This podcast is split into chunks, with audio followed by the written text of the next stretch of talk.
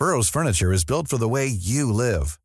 From ensuring easy assembly and disassembly to honoring highly requested new colors for their award-winning seating, they always have their customers in mind. Their modular seating is made out of durable materials to last and grow with you. And with Burrow, you always get fast, free shipping. Get up to 60% off during Burrow's Memorial Day sale at burrow.com slash ACAST. That's burrow.com slash ACAST. burrow.com slash ACAST. Hiring for your small business? If you're not looking for professionals on LinkedIn, you're looking in the wrong place. That's like looking for your car keys in a fish tank. LinkedIn helps you hire professionals you can't find anywhere else, even those who aren't actively searching for a new job but might be open to the perfect role. In a given month, over 70% of LinkedIn users don't even visit other leading job sites. So start looking in the right place. With LinkedIn, you can hire professionals like a professional. Post your free job on linkedin.com slash people today. Even on a budget, quality is non-negotiable. That's why Quince is the place to score high-end essentials at 50 to 80% less than similar brands. Get your hands on buttery soft cashmere sweaters from just 60 bucks, Italian leather jackets, and so much more. And the best part about Quince, they exclusively partner with factories committed to safe, ethical, and responsible manufacturing. Elevate your style without the elevated price tag with Quince. Go to quince.com slash upgrade for free shipping and 365-day returns. Dette er en podkast fra Liverpool supporterklubb Norge. Etter å ha vært på en liten ferie er Liverpool-spillerne nå tilbake på Melwood, der en nær skadefri tropp forbereder seg til helgens kamp mot Norwich. Og så blir det Champions League-oppgjør mot Atletico Madrid allerede på tirsdag. I denne episoden av The Cop-Out-podkasten er Torbjørn Flatin med, og nå er det dere lyttere som har fått stille spørsmålene.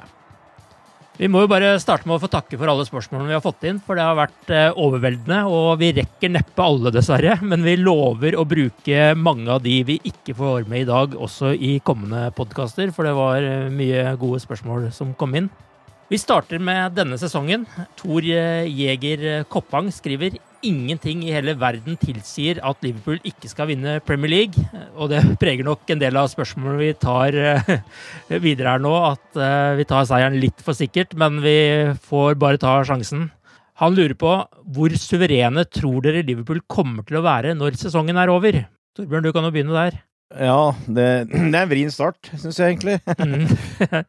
Akkurat per i dag så føler jeg at det er jo egentlig ingenting som tilsier at vi skulle slippe City noe nærmere, egentlig. Føler at vi er i best form og vi har et program framover som er eh, egentlig ganske gunstig i forhold til City osv. Men jeg, jeg, innbiller meg vel det at uh, det er gjerne sånne mennesker at du skal gjerne ha noe å strekke deg etter. Uh, så så lenge Liverpool kan du si uh, fortsatt Eh, ikke er mester her, eh, det fortsatt er mulig at det, det er andre som kan vinne, så tror jeg at de kommer til å være helt påskrudd. Og så skulle vi da eh, forhåpentligvis avgjøre det etter hvert her, så, så tror jeg òg er litt avhengig av liksom åssen bildet er. Altså jeg, jeg innbiller meg jo det at spillerne veldig gjerne kunne tenke seg å å slå den poengrekorden til City. Eh, veldig gjerne kunne de tenke seg å gå gjennom sesongen ubeseira. Mm. Det er litt vanskelig å vite hvordan Klopp kan du si eh, gjør i forhold til laguttak og sånt, men kommer det en situasjon hvor du kanskje får en liten down da, og du, det ikke ligger an til at du får 100 poeng lenger, at det ikke ligger an, eller at du, og du får et tap, du er ikke ubeseira,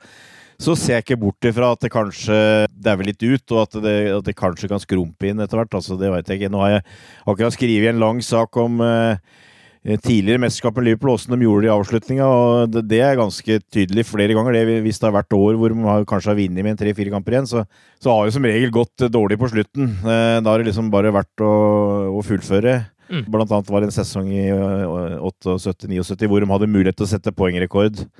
Det var noen bonusgreier hvis du skåra to mål per kamp osv. Og, så og da kjørte de hele veien ut. Så jeg, jeg, jeg sitter med en følelse at det, det vil avhenge av liksom, uh, hvilken gulrot som er foran, og hva, hva, de spiller om, rett og slett. Altså. Ja, og disse spillerne her kommer vel heller ikke til å gå på fylla hver dag eh, de siste fire kampene hvis uh, de ligger an til seier, som de kanskje gjorde på tidligere tider. Ja, nei, det er et godt poeng, altså. Det, det blir full skjerp sånn sett, det tror jeg. Allikevel, det er en sånn menneskelig faktor her, og, og så er det selvfølgelig òg Forhåpentligvis er vi med i Champions League, eh, som kan påvirke og sånn. Så mm. det, det, er litt vanskelig, men uh, magefølelsen nå er vel at uh, jeg, jeg, ser ikke noen grunn til at vi skulle slakke av noe særlig og slippe, slippe laget noe særlig nærmere innpå vårs.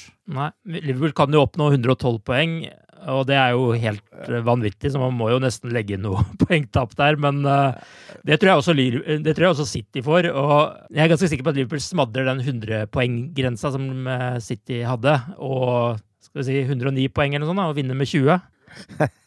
jeg tar det. Jeg tar, jeg tar, jeg tar det. Ja. Men, eh, men jeg, tror som sagt at uh, blant spillerne uh, og, og, det er jo litt sånn at nå føler du at det er en sånn uh, gyllen mulighet. Liverpool kan fortsatt være gode i mange år framover. Det, det, tror jeg absolutt. Men det er noe med at denne sesongen så har det klaffa hele veien, ikke sant. Og vi, vi kan, vi kan liksom sette et merke som som kommer til å stå der for lang, lang tid. Neste spørsmål fra Jaran Pedersen har vi snakka om litt tidligere. Jeg tror kanskje det faktisk var i forrige podkast, men vi kan jo ta en kjapp recap på det i kortversjon. Vi er i ferd med å sikre ligamesterskapet på et rekordtidlig tidspunkt. Bør vi gå for poengrekorden i Premier League, eller bør vi bruke flere unge spillere i Premier League utover mot mai, med tanke på Champions League og eventuelt FA Cup, sier han. Jeg, jeg, jeg tror ikke Klopp kommer til å bruke unggutta for, for, å liksom bare bruke dem. Hvis han føler at det, hva skal jeg si, førstelaget sitt er uthvilt og klar til kamp, så kommer han til å bruke det. Det tror jeg, altså. Kanskje, med, kanskje at han uh, kjører en og annen unggutt, men at han skal plutselig begynne å sette inn en tre-fire stykker, det har jeg egentlig ikke noe tro på. Det, det, går litt på at uh, de beste skal spille, på en måte. Og, uh, så er, er, jeg, er jeg litt usikker på hva han gjør i FA-cupen. Tror nok det blir et uh, annet lag mot Chelsea enn det som var mot Shrewsbury. Men kanskje da mer med at det blir såkalte benkespillere som går til å spille. Altså ja. seniorspillere som ikke har starta så mange kamper. Mm. Alt dette òg tror jeg vil dreie seg litt om uh, utviklinga her. Altså hvor mange kamper blir det, hvor stor slitasje er det? Hvor er behov, ikke sant? Si at vi får en litt dårlig utgangspunkt eh, mot Atletico Madrid, for eksempel, så er det klart at den returkampen kommer til å bli prioritert, for eksempel. Det, det er litt vanskelig å si, men jeg, jeg, jeg tror ikke jeg, jeg, ser ikke for meg en sånn situasjon at han eh, rett og slett bruker Premier League-kamper til å på en måte teste unggutter. Altså, det blir for å gi de som han mener er, eh, er en genuin utfordrer til en eh, plass på laget, en, en og annen mulighet, tror jeg. Ja, og, så er det jo et annet aspekt der òg. Det er at uh, Klopp er jo opptatt av at spillerne skal beholde rytmen. Og det er jo ikke sånn at han uh, tror at man kommer til Champions League-finale hvis uh, spillerne ikke spiller i Premier League i mellomtiden heller, hvis man skal ta ekstremversjonen av det. De, han vil jo ha de i gang hele tiden. Det er en og annen kamp de kan hviles, men det beste for Klopp er at spillerne er samkjørte, og at alle har rytme, og at de fortsetter å ha det gode samarbeidet de, de har ute på banen. Absolutt. Jeg tror det blir mye topping utover det, tror jeg. For det, det, er, det er tross alt nå det mye avgjøres, da. Ja. Og så har vi Mohammed Salah som skal jakte toppskårertittelen for tredje år på rad. Og han vil ikke se blitt på å bli satt ut av Premier League-laget så veldig mange kamper heller, tror jeg. Nei, altså det er jo, uten å dra dette for langt, så er det, det er konkurransemennesker vi snakker om. Altså, de gutta der eh, trener hardt hele uka for å, å spille på lørdag og søndag. Og ofte tirsdag og onsdag. Ja.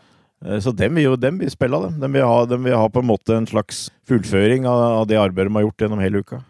Øyvind Eng han skriver Liverpool har i sesongen som har gått blitt utsatt for mange små og store forsøk på å forstyrre spillet. Det har vært parkerte busser, det har vært forsøk på å ta ut van Dijk i det oppbyggende spillet, det har vært forsøk på å presse raskt opp på bekkene for å hindre dem i å gå framover, for å nevne noe. Hva mener dere har vært mest vellykket? Finnes det et grep eller et sett av grep dere er alvorlig bekymret for at et motstanderlag skal ta i bruk? Og med det i tankene, hvilket lag i England eller Europa er det verst tenkelig for Liverpool å møte nå? skriver han de gangene hvor vi har slitt litt, eh, f.eks. Paul Trafford, eh, er når de har greid å stoppe bekkene. Alexander Arnold og Robertsen eh, er viktig i det oppbyggende spillet. Hvis du stopper den angrepsdelen der, så har det kanskje litt lett for å gå i stå. Altså, men vi, har, vi er jo ikke der vi var tidligere, hvor vi var livredde for at vi skulle få dødballer imot hvis vi skulle få innlegg inn i feltet osv. Altså, vi er jo mye sterkere rusta sånn generelt uh, den veien spesielt. Men, men framover òg så har vi mer å spille på. Altså, vi er sterkere på dødball. Og jeg føler kanskje noe av problemet er med, med lag som uh, legger seg djupt, da, og har kanskje to firere som ligger tett med hverandre, også med spesielle mål om å, å hindre distribusjon mm. av bek bekkene. Det, det, føler jeg kanskje at har vært mest eh, hva skal jeg kalle det, vellykka for de, for de andre da. Sjøl om eh, det er jo bare United som har greid å ta, ta poeng fra oss. Jeg tror kanskje jeg ville, ville, ville, sagt det, at eh, rett og slett hindre de tre på topp å få, å få ammunisjon å bruke.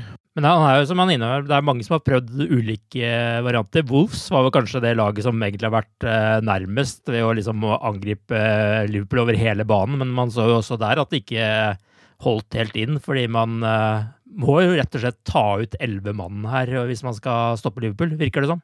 Og det er ikke så lett. Og, og for så vidt også sånn Salzburg i perioder i de kampene der har jo vært litt sånn ja. samme stilen. At de, de spiller jo Liverpool-fotball og presser høyt og ja. stopper distribusjon og sånn som du snakker om, men, men Liverpool ser jo ut til å finne en måte uansett hva ja. de blir møtt med. Ja, absolutt. Uh, og det, og det jeg håper å si, det kommer jeg på nå. Men altså, de som har greid å liksom stoppe den distribusjonen, dem har nok uh, bidratt til å, å, på en måte greie å ødelegge noe av rytmen. Men samtidig så føler du også det. Skal du slå Liverpool, så er du nødt til å være modig. Mm. Uh, da er du nødt til å være litt sånn som Wools, at de rett og slett prøver å matche på det Liverpool er gode på.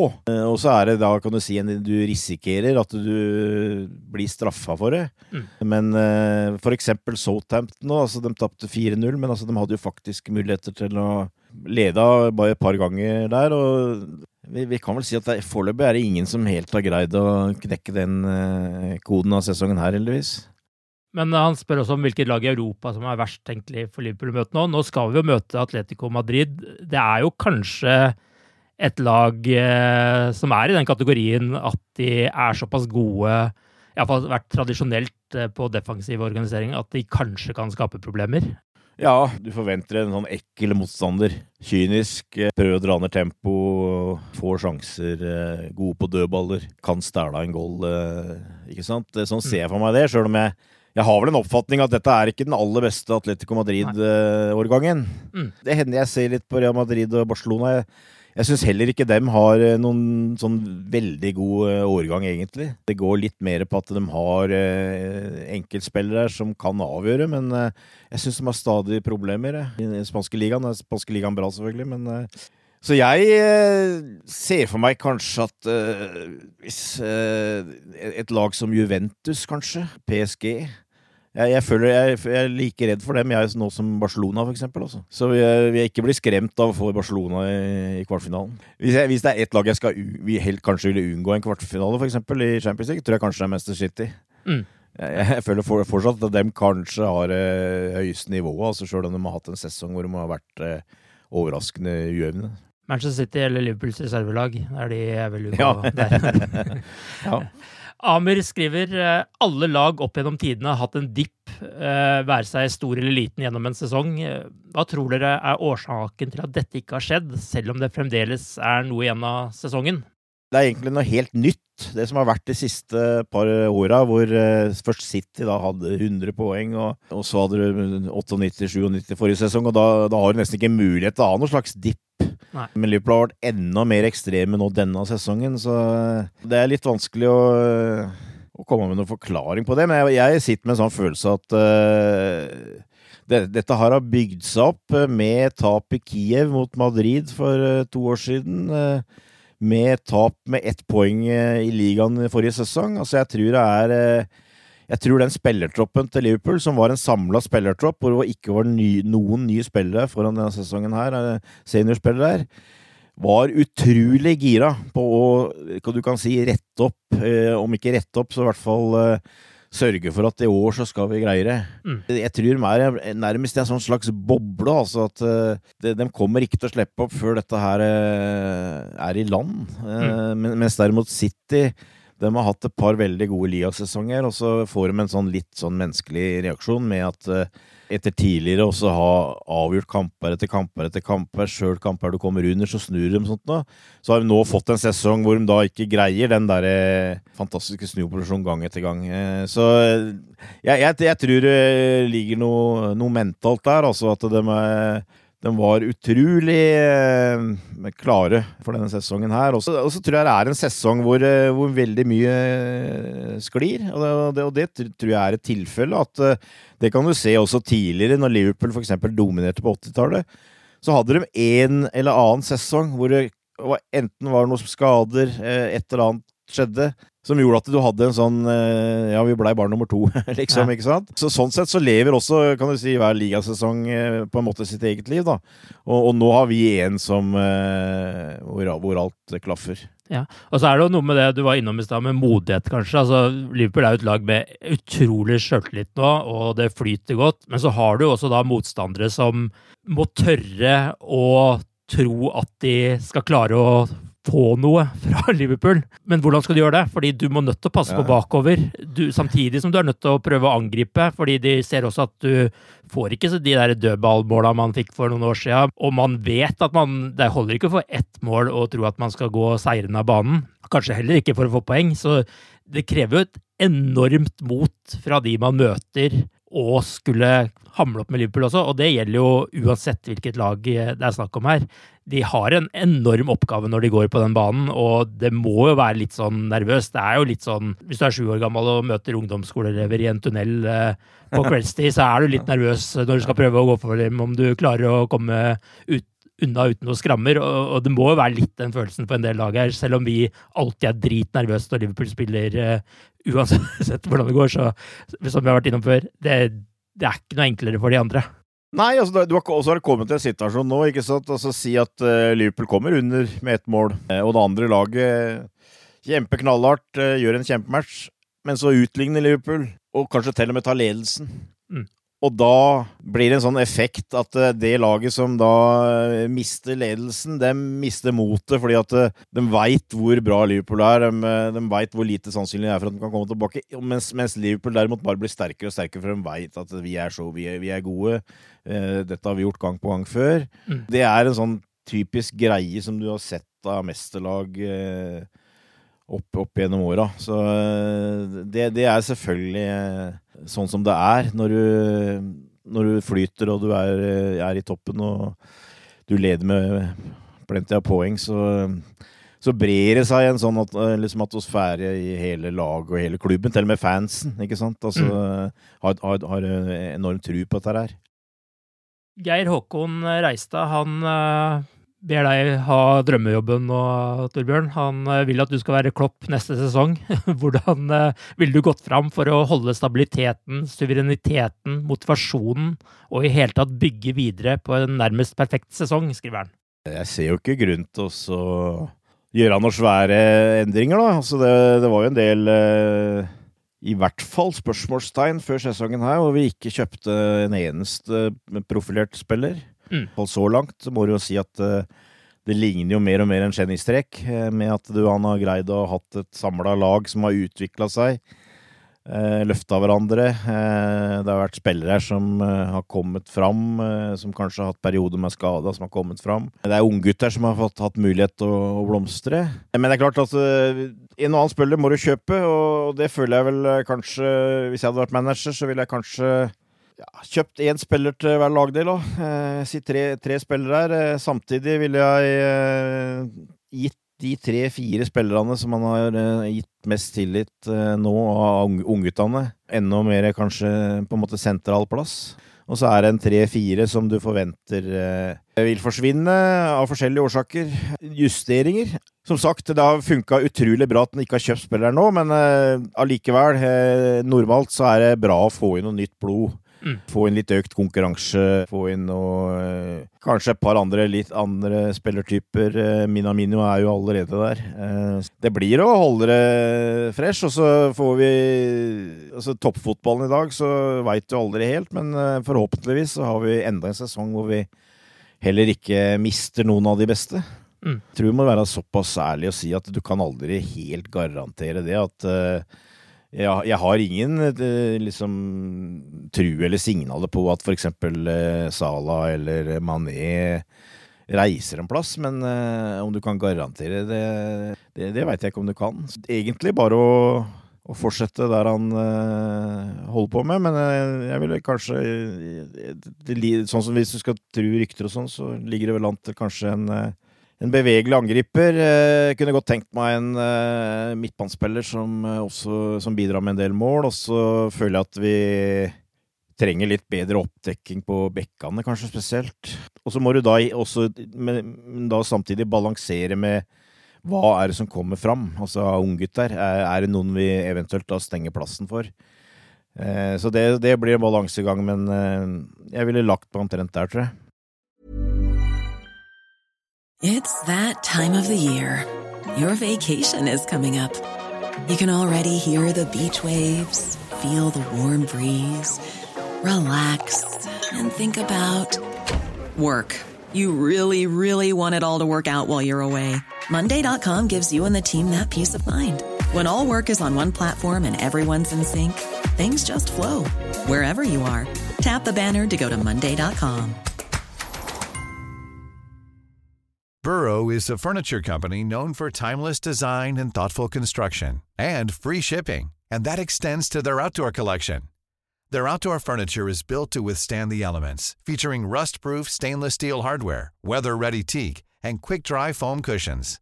For Memorial Day, get 15% off your Burrow purchase at burrow.com slash ACAST and up to 25% off outdoor. That's up to 25% off outdoor furniture at burrow.com slash ACAST. Hey, it's Danny Pellegrino from Everything Iconic. Ready to upgrade your style game without blowing your budget? Check out Quince. They've got all the good stuff shirts and polos, activewear, and fine leather goods, all at 50 to 80% less than other high end brands. And the best part? They're all about safe, ethical, and responsible manufacturing. Get that luxury vibe without the luxury price tag. Hit up quince.com slash upgrade for free shipping and 365 day returns on your next order. That's quince.com slash upgrade. I'm Sandra, and I'm just the professional your small business was looking for. But you didn't hire me because you didn't use LinkedIn jobs. LinkedIn has professionals you can't find anywhere else, including those who aren't actively looking for a new job, but might be open to the perfect role, like me. In a given month, over 70% of LinkedIn users don't visit other leading job sites. So if you're not looking on LinkedIn, you'll miss out on great candidates like Sandra. Start hiring professionals like a professional. Post your free job on linkedin.com/people slash people today. Wow. Nice. Yeah. What you're hearing are the sounds of people everywhere putting on Bombas socks, underwear, and t-shirts made from absurdly soft materials that feel like plush clouds. Yeah, that plush. And the best part? For every item you purchase, Bombas donates another to someone facing homelessness. Bombas. Big comfort for everyone. Go to bombas.com slash ACAST and use code ACAST for 20% off your first purchase. That's bombas.com slash ACAST. Code ACAST. Vi skal snakke litt mer om uh, konkrete navn uh, nå etter hvert. Litt relatert til det samme så lurer Olaf uh, Andenes på hvilke mål man skal sette seg neste sesong, og hvilke lag som blir de største konkurrentene da. Jeg, jeg vokste opp med et lag som dominerte på slutten av 70-tallet og hele 80-tallet. Og, og, den gangen så var, kan du si, minstemålet var å kvalifisere seg for Europa. Nå må, nå må minstemålet være å kvalifisere seg for Champions League. Men en klubb som Liverpool må jo ha som mål å kjempe om de store titlene. Mm. Så er det ikke noe garanti for at du vinner år etter år, men eh, målet må være om å kjempe om å vinne Premier League og vinne Champions League. Og det må det også bli til, til neste år. Hvem som er våre største konkurrenter, det jeg føler fortsatt Manchester City er det. De har vel De har fortsatt en veldig bra tropp. Det har skurra litt for dem denne sesongen her, spesielt i midtforsvaret, og syns kanskje de har, er litt sårbare i forhold til hva de kan bruke på topp. Er veldig avhengig av Aguero til tider, syns jeg. Men det har de kapasitet til å fikse. Utover det så må du jo si det at de der såkalte topp seks-klubbene alle er liksom nå egentlig i en sånn liten periode hvor de uh, leiter etter å finne rette formelen. Mm. Uh, og at de greier helt å finne tilbake til den til neste sesong, det får vi nå se på. Men uh, per i dag så vil jeg jo si at uh, Liverpool City er et solid hakk foran. Og så har Leicester òg en veldig bra sesong, men jeg greier liksom ikke helt å å dra dem opp der. Altså for, så for meg er i, i, England så er Manchester City den store konkurrenten i år, og jeg forventer egentlig det til neste sesong òg. Og ute i Europa så er det vel liksom de de samme mistenkelige, holdt jeg på å si. Altså det, det er de storklubbene i Spania og Paris uh, har mye penger. Uh, Bayern er en svær klubb. Uh, Juventus har ressurser og posisjon, så det vil overraske meg om det kommer opp noen, men det, det, det av og til så, så dukker opp en sånn døgnflue, kanskje. Altså Ajax for eksempel, var jo nærme Champions League forrige sesong, for eksempel. Så, så det er litt vanskelig. Men altså, vi, vi er eh, i en veldig god posisjon nå, helt oppe i det øvre sjikt. Og det er ikke noe grunn til å tro at vi ikke skal, skal være det til neste år. Nei, fordi som du sier, det, i Liverpool så er det stabilt eh, nå. og Det er ikke noe eh, uromomenter som ser ut til å ligge der, iallfall, som kan komme til overflaten. Mens egentlig både City, Spurs og Chelsea må gjenoppbygge lite grann, slik jeg ser det. Mens United og Arsenal må jo pusse opp fra gulv til tak fortsatt, og er jo Jeg tror iallfall ikke noen av de to er i nærheten av å skulle utfordre Liverpool eh, neste sesong. Vi får se. Nei, nei, nei, da. Ting kan skje fort i, i fotball, men uh, det er jeg helt enig med deg. Altså, uh, det er noen uh, såkalte prosjekter både i den ene og andre klubben, egentlig. Mm. Hvis f.eks. Chelsea, hvis han den russiske oljebaronen virkelig åpner lommeboka, så hvem veit, liksom. Men nei, det Akkurat nå så er det er egentlig topp to og, og resten. Men, ja, og jeg, og jeg, føler også City har noen ting de må gjøre. Altså, de har jo noen litt aldrende spillere som er på vei ut, og kanskje spesielt som spissmessig. Altså, de har jo Aguero som fortsatt skårer mye, men er også mye skada og er i en alder hvor det plutselig kan stoppe opp, hvis ikke han eh, er helt Zlatan i kroppen. De, de, behøver definitivt en eh, markant midtstopper, og de, de, fikk kanskje ødelagt litt av altså Fernandinho var jo en meget god, godt midtbaneanker forrige sesong. Mm. Nå, nå pga. de problemene de har hatt uh, i, i den bakre fireren, så har han blitt født ned som midtstopper. Da har han på en måte mista litt av det midtbaneankeret. Mm. Jeg syns ikke han uh, Jeg syns ikke han holder helt sammen med klassen. Og så er er det, som du sier, altså eh, Aguero er god. Eh, Gabriel Jesus eh, er også en, en bra spiller, men kanskje ikke helt av samme kaliber. De har noe høl å tette der, men i sammenligna med de såkalte andre store, så, så er de relativt små, vil jeg si. Ruben Iversen er innom tidligere sesonger vi har kjempet om ligagullet til målstreken, sånn som i 08, 09 og 13, 14, men der vi ikke har vært til å kjenne igjen etter de fantastiske sesongene. De tre siste sesongene har jo laget blitt bedre og bedre, og han spør tror vi at dette bare vil fortsette neste sesong. Klarer vi å holde intensiteten og sulten i spillerne til å ville prestere sesong for sesong, eller frykter vi at de nå kan bli mettet på suksess og søke nye utfordringer? Jeg føler at noe, noe, av det vi har sett nå, er jo at spillerne blir jo ikke mette av å vinne. Nei. De blir bare mer sultne, mm. egentlig. Det, det, føler jeg er et klart signal på øh, Og derfor så Vi nevner stadig de to øh, Champions League-finalene. Med først tap mot Real, og så seier mot Tottenham. Og så det har bare gjort spillerne mer sultne og mer eh, gira. Mm. Så er det selvfølgelig nokså vanlig da, når det gjelder fotball, at det går litt sånn i eh, sykluser. Og det, og det, er klart, Liverpool har et lag nå hvor det er mange som er rundt sånn 28, eh, som er en veldig bra alder. Men eh, til slutt så vil dem på en måte begynne å eldes litt, eh, dem òg. Så jeg, jeg, jeg, ser for meg at i hvert fall Jeg er ikke redd Eh, de neste eh, par åra så har jeg egentlig veldig stor tro på at dette her skal bare fortsette å, å gå bra og sånt noe, men eh, Klopp må være våken på at plutselig så er det seks-sju stykker som er 30 år. Mm.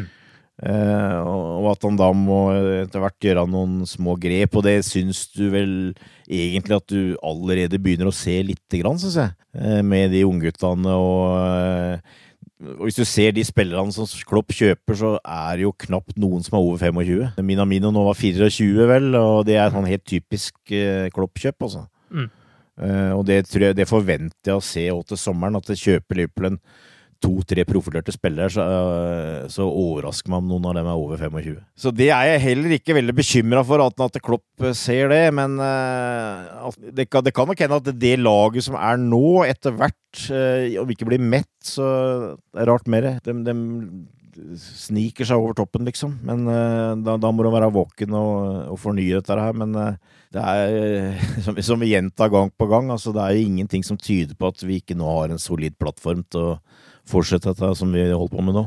Ja, og så er det noe med de spillerne som er i Liverpool i dag. De har jo blitt prenta inn fra de kom til klubben. Eh, historien til Liverpool, hvor utrolig bra lagene var tidligere tider. De har vel også et slags ønske om å få sine sitater på veggene inne på Melwood og Anfield, og få sine bilder opp der sammen med de store, og på en måte virkelig være det laget som man om eh, kanskje 30 år ser tilbake på at uh, dette Liverpool-laget var det beste i historien også. Er det et sted du virkelig kan uh, skrive deg inn i historien, så er du i Liverpool. Ja, altså I, i mitt hue så er det i hvert fall ikke noe at det er noe annet sted å være mer attraktivt å spille fotball enn Liverpool FC akkurat nå. Det det greier ikke jeg å se, eh, mm. for å være helt ærlig. Så er det selvfølgelig en og annen da, som kanskje har en drøm om å spille for Real Madrid, eller eh, kanskje blir lokka av en dobbel eh, lønningspose og sånt, men stort sett og, så tjener disse gutta så godt, og, at, og de har en sånn plomme egen, så at uh, det er ingen som greier å på en måte overbevise meg om at uh, de drar fra Liverpool fordi at de skal komme av en bedre plass. Altså det, det, det, det, går ikke. Nei, og det er jo et par som kan prate med Coutinho om de skulle få lyst på det, og se, høre hva han ja, tenker om ja. den overgangen. Ja, for eksempel. Selv om det fortsatt er lenge til, så er det jo flere som eh, er opptatt av sommerens eh, overgangsvindu. Kristoffer Angel er eh, bare én av flere som har spørsmål om Mbappe. Han skriver med tanke på posisjonen klubben befinner seg i om dagen, med tanke på sportslig suksess, tilsynelatende bra spillergruppe og en attraktiv tysker i sjefsstolen, bør man egentlig utelukke et potensielt kjøp av en verdensstjerne som f.eks. Mbappé, bare pga. klubbens moral om å lage egne stjerner? Jeg, jeg, føler i hvert fall at hvis Liverpool skal kjøpe en spiller, så må det være på Liverpools premisser. Jeg tror ikke det hadde vært bra hvis du hadde kjøpt en sånn uh, fettert stjerne som hadde forlangt dobbelt så mye i lønn, f.eks., som de andre beste spillerne der. Uh, eller gitt, gitt inntrykk at han eh, liksom var litt for seg sjøl og sånt noe. Det, han, må, han, må, være bokstavelig talt på laget. Men jeg syns ikke vi kan sette noen grenser for hvor gode de kan være. Altså, Mbappe for eksempel har vel uttrykt flere steder at uh, han uh, liker Liverpool og kunne godt tenke seg å spille for Liverpool. Så jeg ser ikke noe problem med det. Men uh, som sagt, altså Han må på en måte innordne seg Liverpools regler og sånn som det er der, og det er vel noe av det Klopp har vært eh, Klopp og, og, de andre i ledelsen har vært ekstremt dyktige til. At de har fått inn spillere som uh, er villige til å være en del av laget. Også, og det, det fins jo omtrent ikke bomkjøp. Uh, og du føler jo at det sjøl de som kanskje ikke får spille så mye, som ikke, de, de finner seg allikevel til rette i spilletroppen. Jeg, jeg, tror heller ikke Klopp vil kjøpe en spiller som han ikke er eh, overbevist om kommer til å gi 100 mm. Eh, for det, det, må du være med på. Du må være, ikke sant? Hvis du skal spille for Liverpool, så uh, kan du ikke være luksusspiller og, og uh, bare gjøre det du har lyst til på topp, f.eks. Du må jobbe tilbake, være med på presset og og hele pakka. Mm. Så, så, den typen uh, må være der. Men hvis han er det, og da, da ser jeg ikke noe problem med hvis han er verdens beste. Det, Liverpool er nå i, i, i en sånn standard at uh, vi må søke gjerne i den øverste hylla. Hvis du, hvis du skal ha, ha en profilert uh, spiller, hvis det er et høl du, du, føler er veldig behov for å fylle, så absolutt. Før så ville jo slike rykter vært totalt urealistiske, bare for et par år siden. Men, men det synes jeg ikke det er lenger. Jeg synes jo Nei. det har vært helt naturlig både at Liverpool så mot slike spillere, og ikke ja. minst at de ville valgt Liverpool. For hvorfor skulle ikke Liverpool i den posisjonen de er nå, ha mulighet til å signere en slik spiller? Og hvorfor skulle de ikke gjøre det? For det, jeg tenker liksom, når, når kjøpte Liverpool sist en som var en etablert verdensstjerne på toppen av karrieren, egentlig? Altså Van Mm. Dijk var jo ettertrakta. Eh, mange ville ha han, men han var ikke verdens beste stopper før han kom til Liverpool. Alison var jo, er kanskje det nærmeste man har vært akkurat det å kjøpe liksom det som var verdens beste keeper, sånn sett. Men også han hadde jo bare én sterk sesong bak seg når Liverpool kjøpte han. Og Salah Mané og Suárez også var jo spillere som blomstra i Liverpool. Så jeg sier kjøp noe sånt nå for å løfte statusen enda et hakk. Ja, ja, hvis det er altså, riktig spiller, liksom.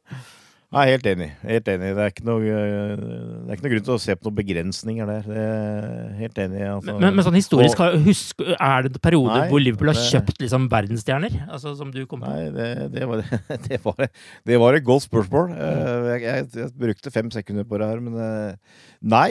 eh, Der tror jeg du har et veldig godt poeng, altså. Du kan si, hvis du går helt tilbake til Keegan Dallish, så kan du ikke si at Dallish var ei verdensstjerne. Han var ei stjerne i Storbritannia, på en måte.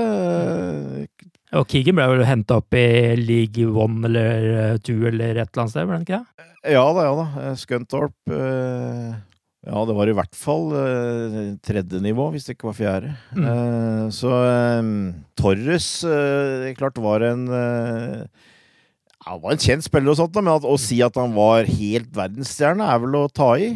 Mm. Jeg kommer egentlig ikke noe på noe, altså. Eh, nå, satte vi jo transferrekord der nå med van Dijk og Alison, men jeg er enig med deg. Altså, jeg føler jo heller ikke dem var helt der oppe. Salah Mané var definitivt eh, ikke det, og det, det tilsa heller ikke prisen. Så det, det er faktisk et veldig godt poeng, syns jeg. Nå, nå skal vi ha ny avtale med Nike osv., så, videre, så det er klart eh, det, det, det kunne vært gunstig på flere, på flere måter, det. Men altså, som, som sagt, jeg må understreke det, at eh, det må være en spiller som eh, du føler er villig til å å, å være med på laget, bokstavelig talt. Altså. En, en type som Klopp føler at han veit kommer til å eh, gi alt, eh, ikke bare for seg sjøl, men for, for laget. Og så kjøper du ikke en sånn spiller eh, med tanke på at han skal sitte på benken heller. Så det må jo spilleren også være sikker på, at han faktisk Ja. går inn i laget. Og det er vel ikke så veldig mange som kan være sikre på i Nei, nei, nei det, det er jo sant, det, da. Det, det er jo en sånn litt sånn vanskelig greie, men det er klart, kjøper du en Bappe, så finner du nok en plass til den på laget, vet du. Ja, ikke sant. Jeg tror det. Frode Fossvold Gjørum eh, skriver at i og med at både Mané og Salah får et langvarig fravær neste sesong pga. Afrikamesterskapet, bør ikke Liverpool gå all in for å skaffe seg en ny topp kantspiller med fart à la Jaden Sancho?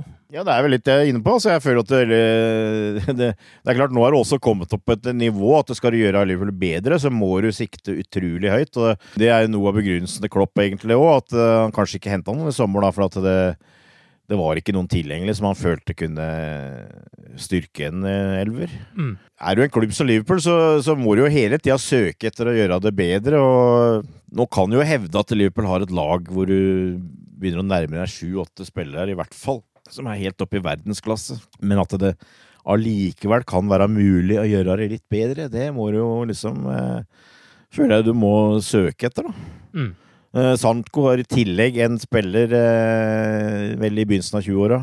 Som da hadde på en måte vært en sånn liten garantist igjen, for at vi ikke plutselig havner opp med 6-7 30-åringer. Mm. Jeg føler at eh, det er en aktuell spiller. Altså, det er jo en eh, tre-fire spillere her nå som uh, blir linka en del. Sanko er en av dem. Timo Werner i Leipzig er en annen. Kai Havertz er, er en tredje. Si at du henter én av dem, da. Så eh, det har jeg kanskje litt uh, tro på at Klopp uh, gjør. Det er et vanskelig spørsmål, Arve, hvis du da drar fram den at hvem skal de erstatte? Mm. Den, den er på en måte verre, men altså uh, som, som supporter så syns jeg det er vanskelig å si at du kan ha for mange gode spillere her. Ja. Men du kan kanskje forandre litt på måten du spiller på. Altså, ikke sant, for eksempel Firmino har en veldig spesiell rolle da, som, som spiss i Liverpool, eksempel. Eh, Du kan sikkert justere litt i hans posisjon han, med formasjon osv. Det eneste jeg tenker på, men han er 16 år gammel, og det er Harvey Elliot. Altså, hvis du kjøper inn en eh, Nå har du kjøpt inn Minamino, hvis du kjøper inn Sancho, så eh, da blir køen hans enda lenger. Men altså, det, hvor mye skal du ta hensyn til det? Han er som sagt 16. I løpet av tre år så er det kanskje aktuelt at han er inne på laget. Mm. Men, men, utover det så syns jeg det er helt riktig at de handler inn en sånn derre, hva skal jeg si, Formel 1-spiller framme. Fordi nå har vel ikke Mina Mina helt funnet plassen sin, men altså hvis du tenker på de tre framme, hvis vi mangler en av dem, så har vi greid å på en måte tette luka. Vi har greid å finne andre løsninger. Men jeg føler allikevel at det er en liten svekkelse. Så hvis du får inn da Sancho, da, så uh, har du kanskje da fire som kjemper om de tre plassene, da, så kan du heller eventuelt justere litt, så at du av og til får plass til alle fire. Men jeg, jeg tror dette ligger korta hele tida, at, uh, og jeg trodde vel egentlig at Klopp hadde lina opp én spiller, nærmest, til sommeren, og det kan det en han har òg, hvem ja. veit. Eh, men grunnen til at han virka så avslappa med å ikke hente noen sist sommer, at han prata, sa det han sa, osv., så, så blir jeg overraska om det ikke blir eh, henta inn en profilert eh, offensiv spiller før neste sesong. Timo Werner var du innom. Jørgen Karsrud er en av de som har spørsmål om han. Han skriver at han har tydeligvis en utkjøpsklausul, men blir fortsatt ingen billig mann. Hva tror dere tankene rundt dette kjøpet eventuelt er? Og han, uh, vil han gå inn på en startplass. Og samtidig så er det en som heter Espen Myhrvold, som skriver at han synes Liverpool til tider kan savne en skikkelig goalgetter. Kunne Firmino passet som en indreløper eller en tierrolle bak en spiss? Skulle gjerne hatt en spiss som banket inn 20 pluss mål, Werner for eksempel, skriver han. Syns du det er et problem med Liverpool at uh, man mangler den ene ordentlige goalgetteren som er spiss? Og så vil Werner liksom gå rett inn i laget hvis han blir kjøpt. På det første spørsmålet så føler jeg jo ikke at vi at det er noe kjempeproblem at vi ikke har en uh, goalgetter. Nå er vel Salah på god vei til å kunne bli uh, toppskårer i Premier League for tredje år på rad. Så vi har folk som skårer mål. Vi har uh, Men det er klart, jeg, jeg, skjønner, jeg skjønner, spørsmålet igjen. altså det, Han tenker mer på en sånn spydspiss. Uh, som vi kanskje ikke da har. Eh, det vil jo gi alternativer, da. Hvis du henter inn Timo Werner, så kan du av og til eh, bruke han som en mer sånn typisk eh, spiss. Altså Firminio er jo egentlig mer en sånn hengende spiss, da, for å kalle det det, hvor, du, hvor det faktisk er Sala og Mané som ligger lengst framme. Mm. Så ligger han i midten og er en, samtidig en sånn førsteforsvarer. Bobby er en utrolig nyttig spiller, sånn som systemet er nå, men altså hvis du flytter han ut på kanten, så syns jeg han blir eh, ganske vesentlig mindre effektiv. Mm. Eh, jeg liker han best i midten, men at han kan spille f.eks. i en treer bak en spiss, det kan den helt sikkert gjøre. Ja, Det gjør den jo til tider også, når Salah ja, ja, ja, det, det, er vel noe av, det er vel noe, også noe av de styrken med de tre vi har. Altså, ingen av dem er jo noe, er jo noe klassisk spiss. Eh, men de kan spille i forskjellige posisjoner, så du kan variere formasjon. Men altså, han uh, Werner uh, Han kan spille i midten, han kan spille på sidene òg, så vidt jeg vet. Mm. Han er en bevegelig spiss. Uh, jeg, jeg, tror han ville funka bra i, i, en sånn treer på topp. så jeg tror han absolutt er en, en kandidat, og en, en som Klopp kjenner veldig godt. Hva var det siste spørsmålet? Var det, det, var, det, var, mange oppi alt her, men ja, ja, men, man gikk, eh, ja, man gikk, gikk, gikk, rett inn på laget, ja, var ikke det? Jo, stemmer. Jo. Uh, tja Jeg føler jo egentlig uh, Spørsmålet er egentlig nei, hvis du, hvis du, skal sette opp laget sånn som det er nå. Mm. Men det er muligheter for, for, for, som sagt, å justere på formasjonen, kanskje. Mm. Uh, og da tror jeg kanskje det er mulig å finne en plass til den. Mm. Altså, nå, nå, har faktisk Liverpool hatt et ganske stabilt lag uh, denne sesongen, og spesielt de siste par månedene.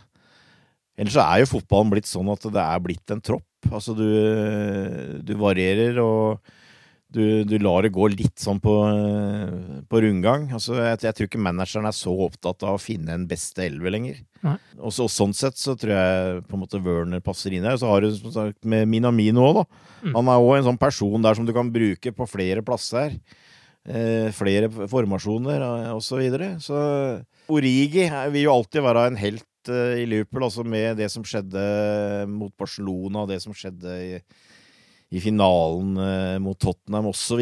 Men eh, jeg føler at det henter ut eh, Werner, så Timo Werner, så, så går det et hakk opp i, i, i, forhold til Origi. Og jeg tror vi er glad i Origi. Han, han har gjort en kjempejobb. Uh, han kan komme inn sånn, men si at du Banker bordet. Uh, si at det skulle kommet en, en skade på Salah, for eksempel. Da. Mm. Hvor han er ute i et par måneder. Da er jeg litt usikker på hvor betryggende jeg ville følt at Origi hadde spilt i ti kamper på rad. Liksom. Og da er vi jo litt tilbake til det som var et spørsmål tidligere med Afrikamesterskapet neste år, hvor vi da kanskje står uten både Mané og Salah i ikke ti-kampen, men iallfall ja. uh, si fire-fem, da. Absolutt. Det er òg en faktor. Det styrker vel argumentet. Og vi vet jo nå at eh, det er mer enn nok til å avgjøre en seriemesterskap, det. De kampene der, hvis det ikke går ja. uh, veien. Og det er jo da, Werner er jo da en spiller som har 25 mål på 30 kamper uh, denne sesongen. 20 på 21 i Bundesliga. Men så har du jo den betydningen til Firmino. Da blir Liverpool bedre med en goalgutter til foran der, eller trenger man den uegoistiske playmakeren som Firmino er? Mm. Det er også en ja. veldig sånn usikkerhetsmoment. Uh, Uansett, så jeg er ikke regnskapssjef i Liverpool, men det blir vel ikke både en pappe, Sancho og Werner Nei. til sommeren? Nei, det gjør det ikke. Jeg, jeg tror vi skal være happy med å få vi én av dem. Ja. Hvem av dem ville du hatt? Jeg ville nok hatt Mbappe. Ja. men jeg, jeg, jeg veit ikke om det er mest sannsynlig. Nei. For å være helt ærlig. Jeg, jeg tror Timo Werner er mest sannsynlig. Jeg, er rimelig happy med hvem det måtte bli av dem. Ja, ikke sant. Øystein Øvrum og Lars Fredseid er blant de som er opptatt av Harry Wilson og hans låneopphold i Bournemouth. Hva synes du om han denne sesongen, og synes du han ville fått en bedre utvikling ved å spille med reservene eller ungguttene i ligacupen og FA-cupen? Og hva tror du om mulighetene til Harry Wilson for å komme til Liverpool eh, etter sommeren og bli satsa på, eller tror du han blir solgt, eller hva, hva tror du skjer videre med Harry Wilson? Eh, jeg tror han blir solgt. Mm. Eh, det kan godt hende at det er litt sånn uh, kjerringa mot strømmen og hva folk mener. Jeg veit ikke. Men Harry Wilson har spisskompetanse. Mm. Med en veldig god venstrefot. han har gjort det bra i Bournemouth. Sjøl om jeg tror Du kan vel ikke si at han har spilt helt fast. Han spiller nå, men det, nå er det mye skader også. Han er litt sånn Og det, det, det tror jeg er litt Harry Wilson. Han han har vært perioder inne hvor han har vært eh, bidratt med flotte skåringer. Og så har han kanskje hatt en to-tre litt sånn middels kamper, og så har han vært ute. Og så har han kommet inn f.eks. med et innhopp og gjort en scoring og sånt. Jeg tror det er sånn litt type han er, egentlig.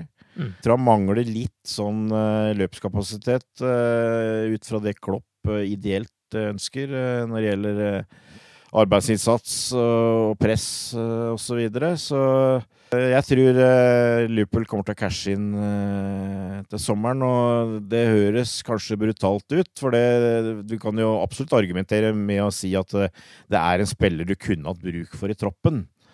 Men, men her må du begynne å se, liksom sette lista høyt. Og på en måte er, føler jeg ikke at det er helt fair heller for en 22-åring å si at ja, du får spille FA-cupen og ligacupen, og så kanskje en og annen ligakamp, liksom. Mm. Eh, nå har han kommet til et tidspunkt i karrieren hvor, hvor, han på en måte må ta en avgjørelse. Og... Ja, jeg er enig med deg. Ville også solgt med en uh, god tilbakekjøpsklausul eller noe sånt ting, som han uh, har mulighet til å hente tilbake hvis han uh, virkelig tar av om noen år. Fordi jeg, mm. jeg ser også veien er for lang inn på førstelaget nå. Det blir for lite kamper, tror jeg iallfall. Det er også spørsmål om ungdommer som er gode nok til å gå inn på førstelaget. Er det noen vi har per i dag som er det? Jeg, jeg føler jo at uh, de som Klopp blinka ut tidlig i sesongen, uh, og da tenker jeg på uh, Curtis Jones, Harvey Elliot og Neko Williams Jeg syns de viser seg så bra fram nå at de i hvert fall er gode nok til å ha på en benk. Mm. Curtis Jones hadde vel en sånn liten eh, stopp forrige sesong, men nå har han vokst. Nå har han blitt sterkere fysisk. Nå har han fått kapteinsansvar som han har vokst på. Han eh, er så bra at uh, det er i grenseland til om du skal på en måte droppe å kjøpe en offensiv midtbanespiller på grunn av han. Mm. Jeg føler Klopp på en måte har en sånn slags mal hvor han ser for seg en 16-17 hva kan du si, toppspiller her.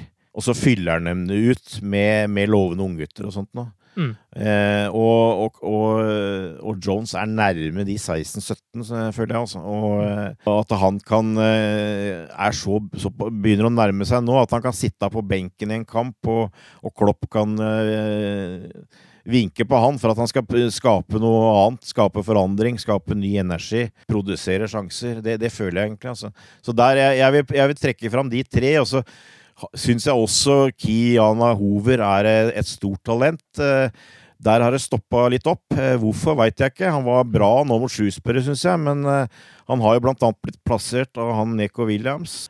Jeg veit ikke. Jeg har et inntrykk av at det kanskje et, eller annet som har gjort at han liksom har blitt satt litt ned på rankingen der, men de tre-fire der føler jeg er absolutt er, har potensial til å være gode nok til å bli førstelagsspiller i Liverpool. Gaute Seringstad og Øyvind Lindelid spør om Lalana, Shakiri og Lovren om de vil forsvinne til sommeren, og hvordan de i så fall skal erstattes. Bare for å legge på litt der, ser du Curtis Jones som en naturlig erstatter til Lalana, f.eks.? Ja, ja, jeg er enig. Eh, han ser jeg på som naturlig erstatter for Lalana. Ja. Mm. Ja, absolutt. Jeg kan godt se for meg at de tre forsvinner, ja. Shakiri er jo en favoritt for meg, men uh, jeg må jo bare innse at uh, han har nok en spillestil som Det skurrer litt uh, med sånn som Klopp på en måte i utgangspunktet helst vil spille. Altså.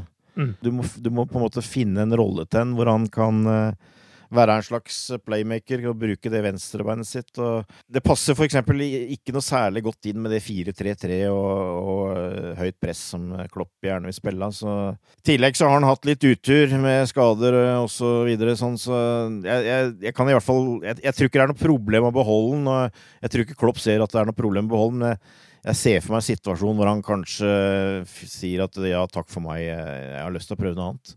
Uh, Deshan Lovren uh, er jo en sånn type som jeg egentlig har holdt et lite lokk over, som jeg syns av og til får uh, vel mye kjeft, egentlig. Jeg syns han har hatt et par vikarperioder hvor han tross alt har gjort en god jobb. Er solid midtstopper. Men det er klart, per i dag så må han vel sies å være et fjerdevalg.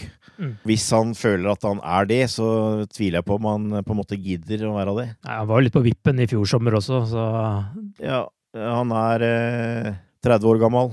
Men jeg veit ikke om det er noe kjempeproblem å erstatte den. Altså om det er e, e, e, egentlig noe behov å erstatte den. Jeg, føler, jeg, føler, at vi allerede kanskje har de spillerne. Altså hvis du har eh, Hover, da, for eksempel, eh, som et fjerdevalg. Du har jo også en Fabinho som du veit kan spille en, gjøre en meget solid jobb som midtstopper. Mm. Så har du Gomez nå inne, og så har du Matip i tillegg, så Og van den Berg? Jeg vet ikke om Van, de, van, van den Berg også. Eh, Sjøl om jeg føler han er et stykke unna, mm. så var han positiv nå i siste kampen, han også, mot Shrewsbury. Der, der, føler jeg egentlig ikke noe behov for å måtte erstatte han, da. Det, det gjør jeg ikke, men eh, jeg tror det er tre spillere som eh, er ganske aktuelle for å bli borte, ja.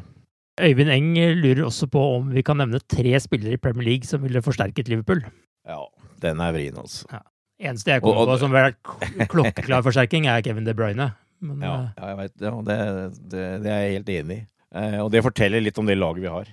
Jeg, jeg er litt begeistra for han derre eh, Kanté eh, i Chelsea. Men er han noe bedre enn Fabinho? Diskutabelt. Og han er, eh, han er eh, vel eh, vesentlig eldre. Han er en type som jeg liker veldig godt, da. Men, men, om man på en måte skal gjøre litt erstatninger til sommeren Jack Grealish kan jo være et alternativ ja. som er billigere ja. enn et par av de mm. spillerne vi har nevnt før. Adama ja. Traore. Men ingen av de er på en måte noen spillere som går rett inn i, tropp, inn i førsteelveren, kanskje. Men spennende spillere i seg selv, kanskje. Ja, enig. Madison på Leicester syns jeg mm. er en bra spiller. Og det er klart, det ser du kanskje litt av. Det, der er vi inne på den der offensive midtbanespilleren, kanskje. Eller, eller midtbanespilleren som skårer mål. Mm. Men jeg er enig med Grealish. Eh, han syns jeg har tatt eh, steg, og, og, han er en type som har begynt å knytte nevene og, og, gå foran, egentlig. Mm. Eh, det er klart, Dele Alli syns jeg er en god spiller, men jeg er kanskje litt usikker på temperamentet og sånn. Så er det selvfølgelig en og annen spiss. Men, men hvor, hvor, hvor, lurt det hadde vært for Liverpool, hvor passa det hadde vært til Liverpool altså, Du har liksom Harry Kane, Aubameyang og sånn, men eh, det, det, er jo faktisk en situasjon hvor du, du, sitter og lurer på Er det noe vits, liksom. Altså, mm.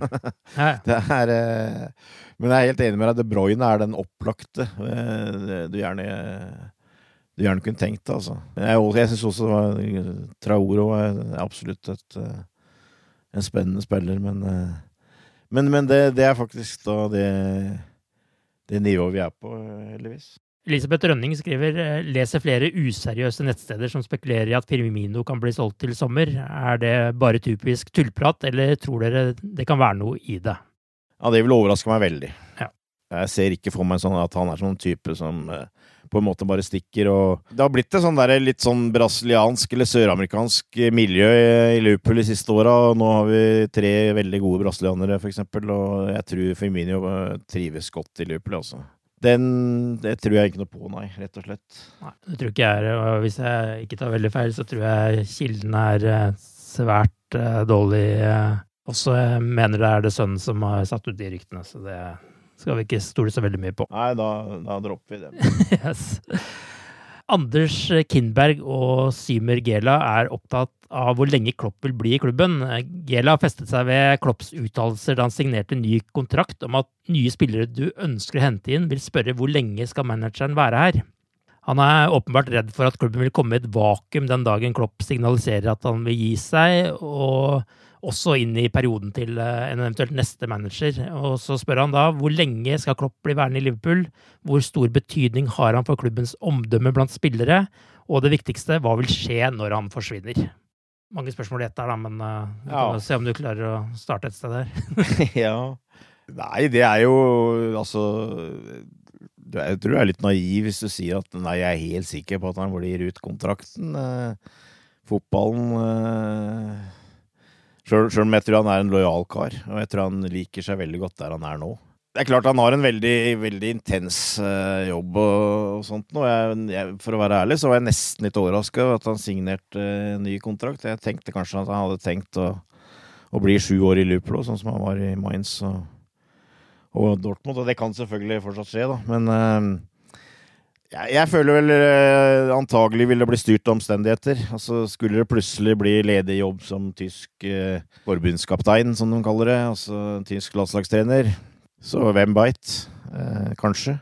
Mm. Det vil ha litt med timing å gjøre, ikke sant? Altså, hva skjer? Altså, vinner vi, vinner vi ligaen i år? Vinner vi ligaen neste år? Kanskje han føler han har gjort jobben. Eh, mm. og, og, og i, i tillegg det kommer en som sagt en, eh, en, åpning som han føler at han bør si ja til.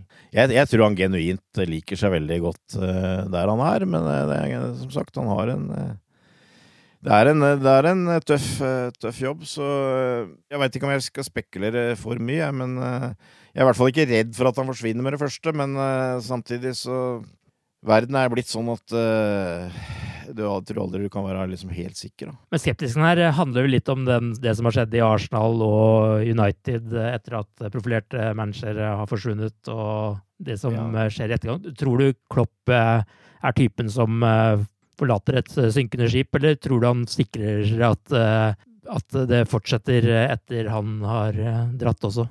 Jeg, jeg, tror han har en tanke om at han, det, han, det, er noe han vil etterlate seg. Altså, Liverpool har jo også tenkt langsiktig eh, under han. Altså, vi er i ferd med å få et nytt treningsanlegg. Tror altså det er jo Staben hans, for eksempel, er jo relativt eh, I hvert fall delvis sånn litt ung stab. Da. Altså jeg, jeg, ser for meg at eh, skulle han Det er et spørsmål her. Altså, hva skjer når han forsvinner? Jeg vil jo tro at eh, FSG kanskje da ville lagt opp til å gjøre en sånn uh, bootroom-variant med, med, å få frem innenfra. Uh, Pep Linders uh, syns jeg begynner å tegne seg til en uh, mulig kommende managerkandidat. Mm. Du, du, kjører på en måte den veien, at det er et apparat på plass eh, som du på en måte setter inn nye brikker. Mm. så har vi i tillegg, som jeg tror er en stor fordel jeg, jeg er ikke nødvendigvis noen sånn kjempetilhenger av sportsdirektør eller fotballdirektør, men altså i Liverpool så vi, tror jeg vi har en veldig god løsning. Med Edwards, som er dyktig til å finne spillere her. og som jeg helt sikker eh, på f.eks. kunne jobba veldig godt sammen med Linders. Altså jeg, jeg vil jo innbille meg at det var den varianten Liverpool kom til å kjøre hvis de eh, kvitter seg med Eller ikke kvitter seg med, men hvis Klopp eh, skulle finne ut at han ønska noe annet. Det vil, jo, det vil, jo, alltid være en risk når en sånn eh, personlighet forsvinner, selvfølgelig. Men eh, betydningen av å ha en manager på lang kontrakt av Klopps kaliber, den er vel udiskutabel. At eh, Klopp har et poeng her. At uh, det er bra når de skal hente nye spillere, at han har signert en ny kontrakt som uh, varer lenge. Og så vet man jo i fotball at alt kan endre seg, men se på United, for eksempel. Da, da de hadde van Gaal og Mourinho, så klarte de jo sikre seg ganske store navn, selv om de ikke hadde Champions League å vise til. Det klarer de ikke nå med Solskjær, til tross for de pengene de kan tilby. Mens uh, Klopp er jo i seg selv et trekkplaster også for spillere og, som ønsker å jobbe under en sånn manager. Ja da, ja, jeg, jeg ser det. Eh, det er helt klart det, altså. Eh, altså jeg, jeg, håper jo at situasjonen vil være den, den dagen, og det er klart den dagen vil komme en eller annen gang, altså når Klopp forsvinner, at Liverpool da er helt på toppen. Si at vi, at vi, er rett og slett i en situasjon som vi er nå, hvor kan si, det å komme til vinneren av Champions League vil være på en måte også et trekkplaster. Altså, det føler jeg jo kanskje at uh, det har ikke Manchester United nå. Nei. Når du da i tillegg da kanskje har en manager som ikke virker veldig fristende. Eh, så blir det også, også det en effekt. Det kan si, den, den, klubben som er vinner av Champions League altså Jeg tror kanskje ikke hvem som er manager da nødvendigvis er så viktig. Altså, da har vi et, kjem, har et kjempelag. Altså, det er en klubb som fungerer osv. Så, videre, så jeg veit ikke hvor mye lyst jeg har til å spekulere i akkurat det greiene men altså det, jeg, jeg, føler at det, det, kanskje også var noe av grunnen til at han da eh, skriver den nye kontrakten, er for at han er Han ønsker å være med og bygge opp dette videre. FSG, eierne, nå føler at de har en modell eh, som de mer eller mindre har på plass. Vi skal avslutte litt i det nostalgiske hjørnet. Frode Fosvold Gjørum, eh, han spør, sett ut fra sin samtid, hvor står dette Liverpool-laget kvalitetsmessig sammenlignet med tidligere ligavinnere og store Liverpool-lag gjennom historien? Helt på topp, etter min mening. Mm. Kvalitetsmessig helt på topp. Minuset, eh, det er at de ikke har vunnet så mye mm. ennå. Det vi håper på, at det blir et ligagull nå, det vil forandre mye, selvfølgelig.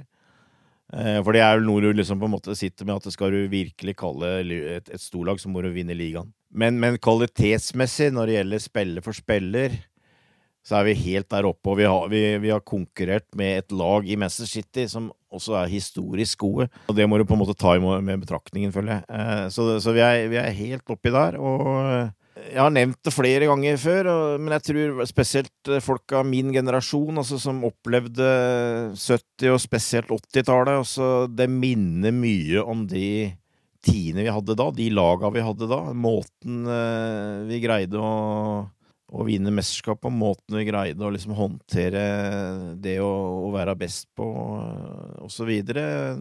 Men eh, vi er, vi er helt der oppe, og det jeg syns det har vært uh, veldig interessant, og nå, nå, er det veldig moro. Men altså, det, det, er jo ikke tvil om at uh, jeg, jeg, har, jeg, jeg, sitter med en sånn følelse at år etter år så har, ja, ja, vi har gode spillere her, og, men av og til at jeg har stadig vekk på en måte overvurdert litt de spillerne vi har hatt. For nå nå har vi fått inn van Dijk, nå har vi fått inn Alison.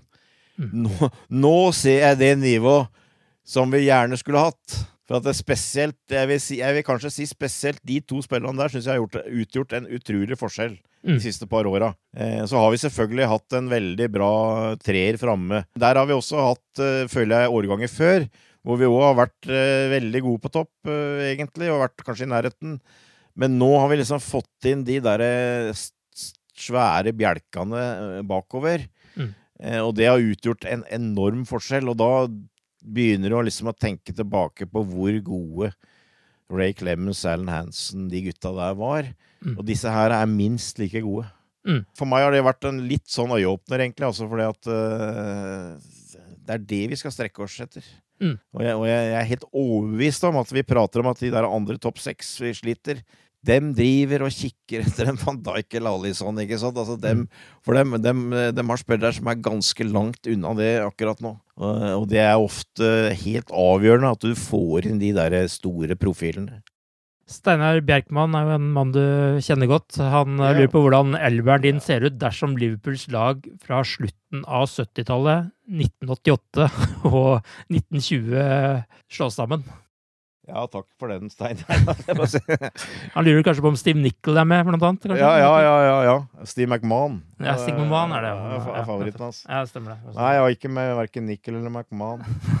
Jeg har plukka ut en elver, eh, men jeg har tenkt på Jeg har nok eh, kanskje gitt mine gamle helter et lite pluss eh, for, å, for å få jevnere ut. For at her kan du faktisk nesten sette opp dagens lag, altså. Mm. Det er eh, så bra. Altså, de, du har de tre framme, du har den bakre femmeren. Eh, og så har du et par midtbanespillere som har vært fantastiske eh, i år i tillegg. Det han tenker på, altså Vi hadde jo et lag i 78-79 som hadde en fantastisk ligasesong, og som egentlig jeg har sagt hele tida er min favoritt. Og det var et uh, herlig lag. Og så hadde du det laget med Barents og Bechley uh, i 88, som og hadde fantastisk underholdende fotball. Uh, men jeg har satt Ray Clemens i mål. da. Det var min keeperhelt når jeg vokste opp. og spilte hele hele 70-tallet. Alison matcher den, helt klart. Det, så det er litt sånn kronomynt. Men jeg har satt opp Ray, da. Torel 2, så kan nok fort hende at det er Listen som, som, er der. Og så har jeg en bakre firer med Alexander Arnold, Alan Hansen, Virgil van Dijk og Andy Robertson. Den syns jeg kanskje ikke var så vanskelig. Van Dijk er, er selvfølge, en selvfølge. Kanskje Liverpools beste spiller noen gang, føler jeg nå. Mm. Ja, det tror jeg kanskje. Eh, Steven Gerrard og Kenny Dallish er eh, der oppe òg, men eh, jeg tror eh, Van Dijk er helt der oppe, i hvert fall. For jeg føler Gomez eh, kan bli en stor spiller, men han er ikke, er ikke på Allen Hansen-nivå ennå, i hvert fall. Og så har vi to backer nå som eh, vi aldri har hatt før. De er egentlig noe som Liverpool Virkelig gode backer. Altså det, det føler jeg kanskje at det er noe som Liverpool ikke har hatt så veldig mye av. Mm. Men nå har vi det. Og så dem er inne. Og så har jeg som sagt eh, kanskje vært litt raus på gamleguttas bekostning, eh, eller eh, til deres fordel framover, men jeg har satt opp og det, denne her sekseren framme er nok kanskje ikke verdens mest balanserte, da, men det er for å få med de folka jeg vil ha. Så er det Sunes, Barnes, Dallish, Salah, Rush og Mané. Så Sunes er ankeret. Fabinho er ikke langt bak han. Men uh, Sunes var sjefen. Han og van Dijk uh, der, da har, du, da har, du, et par skikkelige kapteiner. John Barnes, store artisten, egentlig. Suveren på det 88-laget som Steinar nevner. Uh, Kenny kunne spilt som Firmino, føler jeg. Mm. Kanskje enda en litt dypere rolle på det laget mitt, da. Mm. det blir en veldig offensiv midtbane, men hvis du har han og Barnes som kan du si offensive indreløpere foran Sunes og så har du Salah, Rush og Mané framme. Eh, Rush eh, er tross alt mestskårende gjennom tidene. Og eh, han hadde fått pasningene til Kenny fortsatt. Og, og, så har du Salah, som nå da eh, er eh, toppskårer i Premier League i flere sesonger. Og så Mané, som jeg føler har en kjempesesong i år. Så det er et sterkt lag, iallfall. Vi avslutter med et spørsmål fra Vemund, som skriver Foruten pokaler handler fotball for meg om uforglemmelige øyeblikk og lidenskap. Gerard som stormer mot fansen, jublende og kaster seg ned på gresset. Sala som løper fra hele Southampton-daget i fjor våres og skårer. Corneren fra Trent Alexander Arnold, så usannsynlig frekk og magisk. Har dere noen øyeblikk fra årets sesong som stikker seg ut så langt? Jeg må si det. Altså, vi, altså, han sa at fotball kan være så mangt. Altså. Jeg, mm. Men altså, jeg satt på langt nede på main stand, og så rett foran meg så får Curtis Jones ballen eh, mot et topp av Everton, og bare mm. vender opp og bare bender den opp i motsatt kryss. Mm. Eh, og, og, hele Anfield tar av. Eh, det er en eh, 19-årig scouser som eh, Ja, jeg tror faktisk han var 18 år den gangen. Eller liksom bare Bare liksom uh, lever ut drømmen der og da, liksom. Altså, mm. det, det syns jeg var uh, det, det, viser litt av Altså, det er, det er, på en måte er det eh, noe av magien ved fotball for meg. Altså, det er et sånt spill som Hvor det er så, på en måte så vanskelig å score, så at du, du har de store øyeblikka hvor den derre underdoggen har litt større sjanser enn i, i mange andre idretter.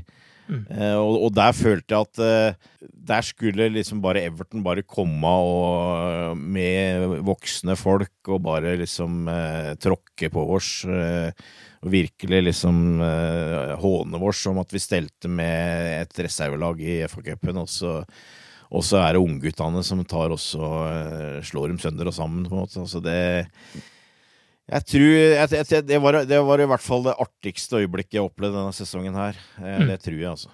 Årets TV-øyeblikk for min del er Mourinho som får beskjed av assistenten sin om at en spiller skulle ha rødt kort, og hvordan han løper bort til dommeren der. Men, ja. men ja. det ha det var, det var stor TV. Men uh, ellers, Curtis Jones er helt enig med, men også den der generelle altså, den lysta til Henderson, det er, ja, den uh, sitter igjen hos meg. Liksom, de, de ja. gangene han scorer mål, uh, det kroppsspråket hans.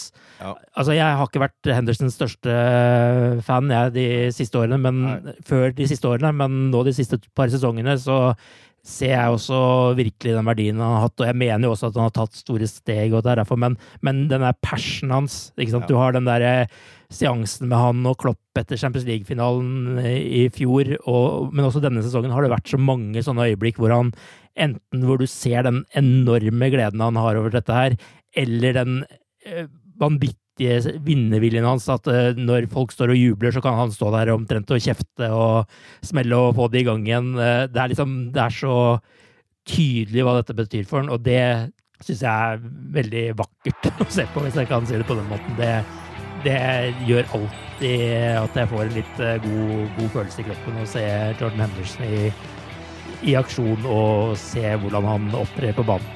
Nei, det er jeg helt enig i. Det er noe, noe som varmer sjela. Det er ikke tvil om. Det har vært mye bra øyeblikk, og flere som skal det nok antageligvis eh, bli denne sesongen.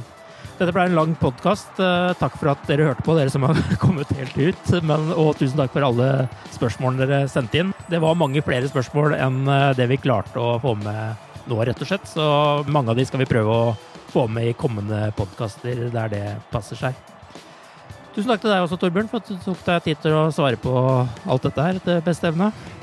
Jo, bare hyggelig. Yes. Og med det så sier vi bare ha det bra så lenge. Ha det. Ha det.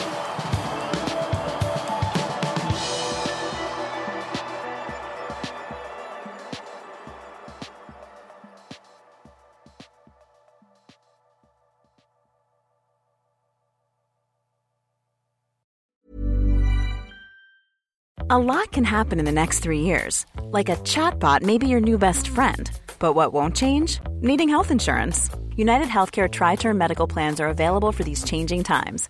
Underwritten by Golden Rule Insurance Company, they offer budget friendly, flexible coverage for people who are in between jobs or missed open enrollment. The plans last nearly three years in some states, with access to a nationwide network of doctors and hospitals. So, for whatever tomorrow brings, United Healthcare Tri Term Medical Plans may be for you. Learn more at uh1.com. Planning for your next trip? Elevate your travel style with Quince. Quince has all the jet setting essentials you'll want for your next getaway, like European linen, premium luggage options, buttery soft Italian leather bags, and so much more. And it's all priced at 50 to 80% less than similar brands. Plus, Quince only works with factories that use safe and ethical manufacturing practices. Pack your bags with high-quality essentials you'll be wearing for vacations to come with Quince. Go to quince.com slash trip for free shipping and 365-day returns. Summer's just around the corner, so give your body the care it deserves with Osea's best-selling Undaria Algae Body Oil.